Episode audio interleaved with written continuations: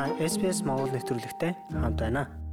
Холбооны сонгуул 5 дугаар сарын сүүлээр болох бөгөөд одоогор сонгуулийн товыг наривчлан тогтоогоогүй байна. Харин та анхудаа сонгуульд оролцож Австралийн төлөвшөлд санал бодлоо илэрхийлэх гэж байгаа бол танд туслах хэрэгтэй мэдээллийг энэ удаагийн оршин суугтаж булангаар хүргэх болно.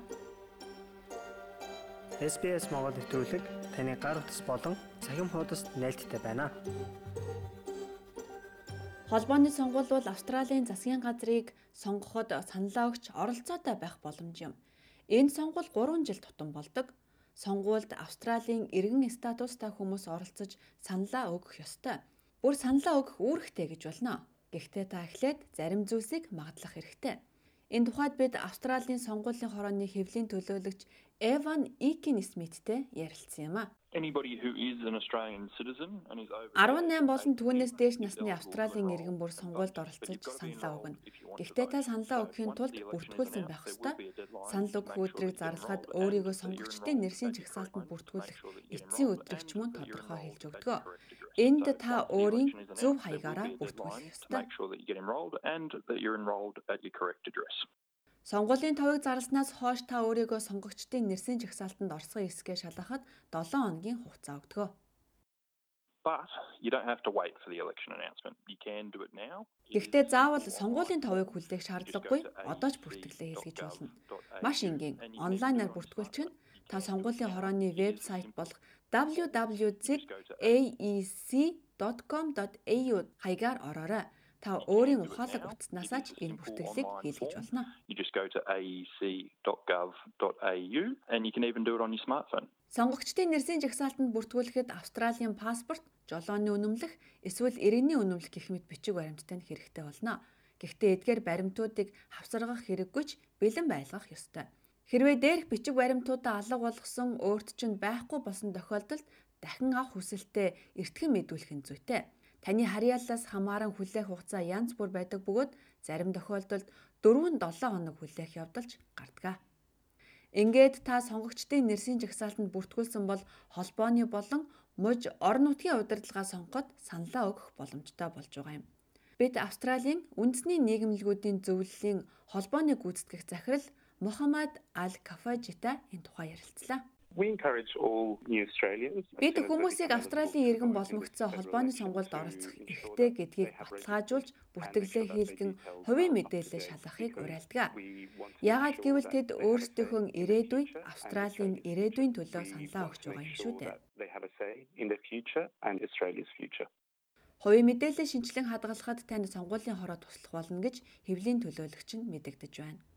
We'll send reminders to people if we receive Жишээ нь бид таныг нүүсэн гэсэн мэдээлэл хүлээн авсан бол танд сануулга явуулах болно. Гэхдээ та байраа сольж нүүсэн нэрээ солих бүртээ үргэлж онлайнаар энэ мэдээлэл шинжилж байх ёстой гэдгээ мартаж болохгүй. Дахин хэлэхэд мэдээлэл шинжилгээд маш амархан та манай вебсайт руу ороход хангалттай. and providing us with the update. Хэрвээ та өөрийгөө сонгогчдын нэрсийн жагсаалтанд байгаа хэсэгтээ эргэлзэж байгаа бол мөн сонгуулийн хорооны сайтанд орж шалгаж болно. Мөн 13 23 26 дугаарын утсаар залгаад асууж болох юм а. Хэрвээ та интернетээр орох боломжгүй бол цаасан бүртгэлийн хуудасаар бүртгэлээ хийлгэж болно. Энэ хуудсыг сонгуулийн хорооноос авч болох бөгөөд эсвэл дээрх 13 23 26 дугаарын утсанд залгаад шуудан гар авчиж болно. Мөн сонгуулийн хорооны цахим хуудас нь санал өгөх эрхээ шалгах заавар гэх мэт мэдээллийг олон хэлээр орчуулан оруулсан байдаг. Утсаар орчуулгын үйлчилгээ авах боломжч байгаа. Нэмжлэхэд энэ сайт англи хэл дээр уншихад хялбар энгийн үгээр бичсэн нийтлэл зөвлөгөөнүүдийг оруулдаг юм байна. Төрлөх хэл нь англи биш. Өөр хэлээр ярьдаг хүмүүс зориулсан мэдээлэл манай сайтад байдаг. Мөн анхудаа сонгуул өгөх гэж байгаа хүмүүст олон үндэсний байгууллагууд туслан мэдээлэл авах бүртгэлээ зөв хийлгэх зэрэгт нь дэмжихийг бид уриалдаг. We know where those communities are that have English as a second language and it's really important to ensure that we include those communities as part of this process. Бид жишээ болгон Тасман мужийн цагаачдын нөөцийн төвийн ажилтан Ivy Joy-той энэ тухай ярилцлаа. Тэрээр шинэ иргэдийг сонгуульд бүртгүүлэхэд нь тусалдаг юм байна. Олон хэлтэй манай ажилчид тусламж хэрэгтэй хүмүүст хүрч очиж уулзаж хэрэгтэй мэдээллийг нь өгдөг. Би санал өгөх хэрэгтэй юу? Яаж сонгогчдын бүртгэлд хамрагдах? Эсвэл заавал санал өгөх ёстой юу гэх мэт нийтлэг ирдэг асуултуудад манай сургалтанд сууж бэлтгэгдсэн сайн дурын ажилчид маань хариулт өгч чадна. Мөн онлайнаар тусламж өгөх хүмүүсийг ч тусгайлан сургаж байна. Train people to access the online service because it's quite simple and easier.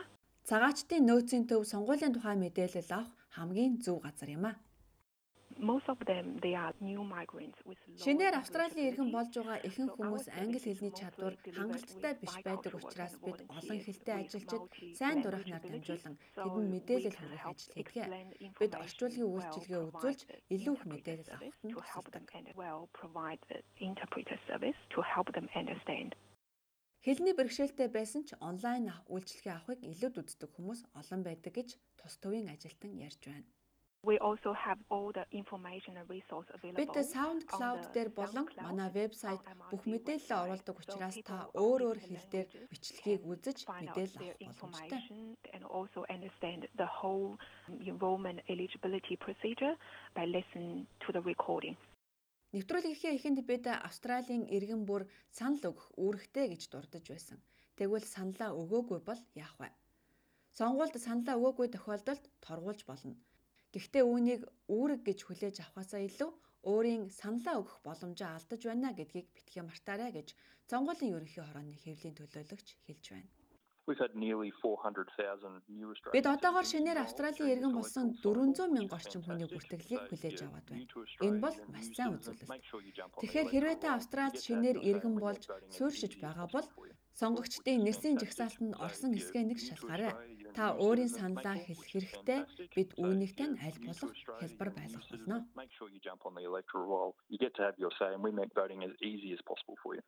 Хэдийгээр монголчуудын ихэнх нь Австралид ямар нэгэн визтэй амьдардаг, тэд сонгуульд оролцох эрхгүй ч Австралийн сонгуулийн систем хэрхэн ажилладаг, яаж сонлоо өгдөг гэх мэтчлэн мэдээлэл бидэнд сонирхолтой байж болох юм а. Дараагийн дугаартаа бид сонгуулийг хэрхэн өгдөг, яаж оролцох тухай мэдээллийг видео хэлбэрээр хүргэх болно. Та SBS Монгол нэвтрүүлэгтэй хамт байна. Бусад сонирхолтой нэвтрүүлгүүдийг SBS.com.cg Mongolian вебсайтаас аваарай.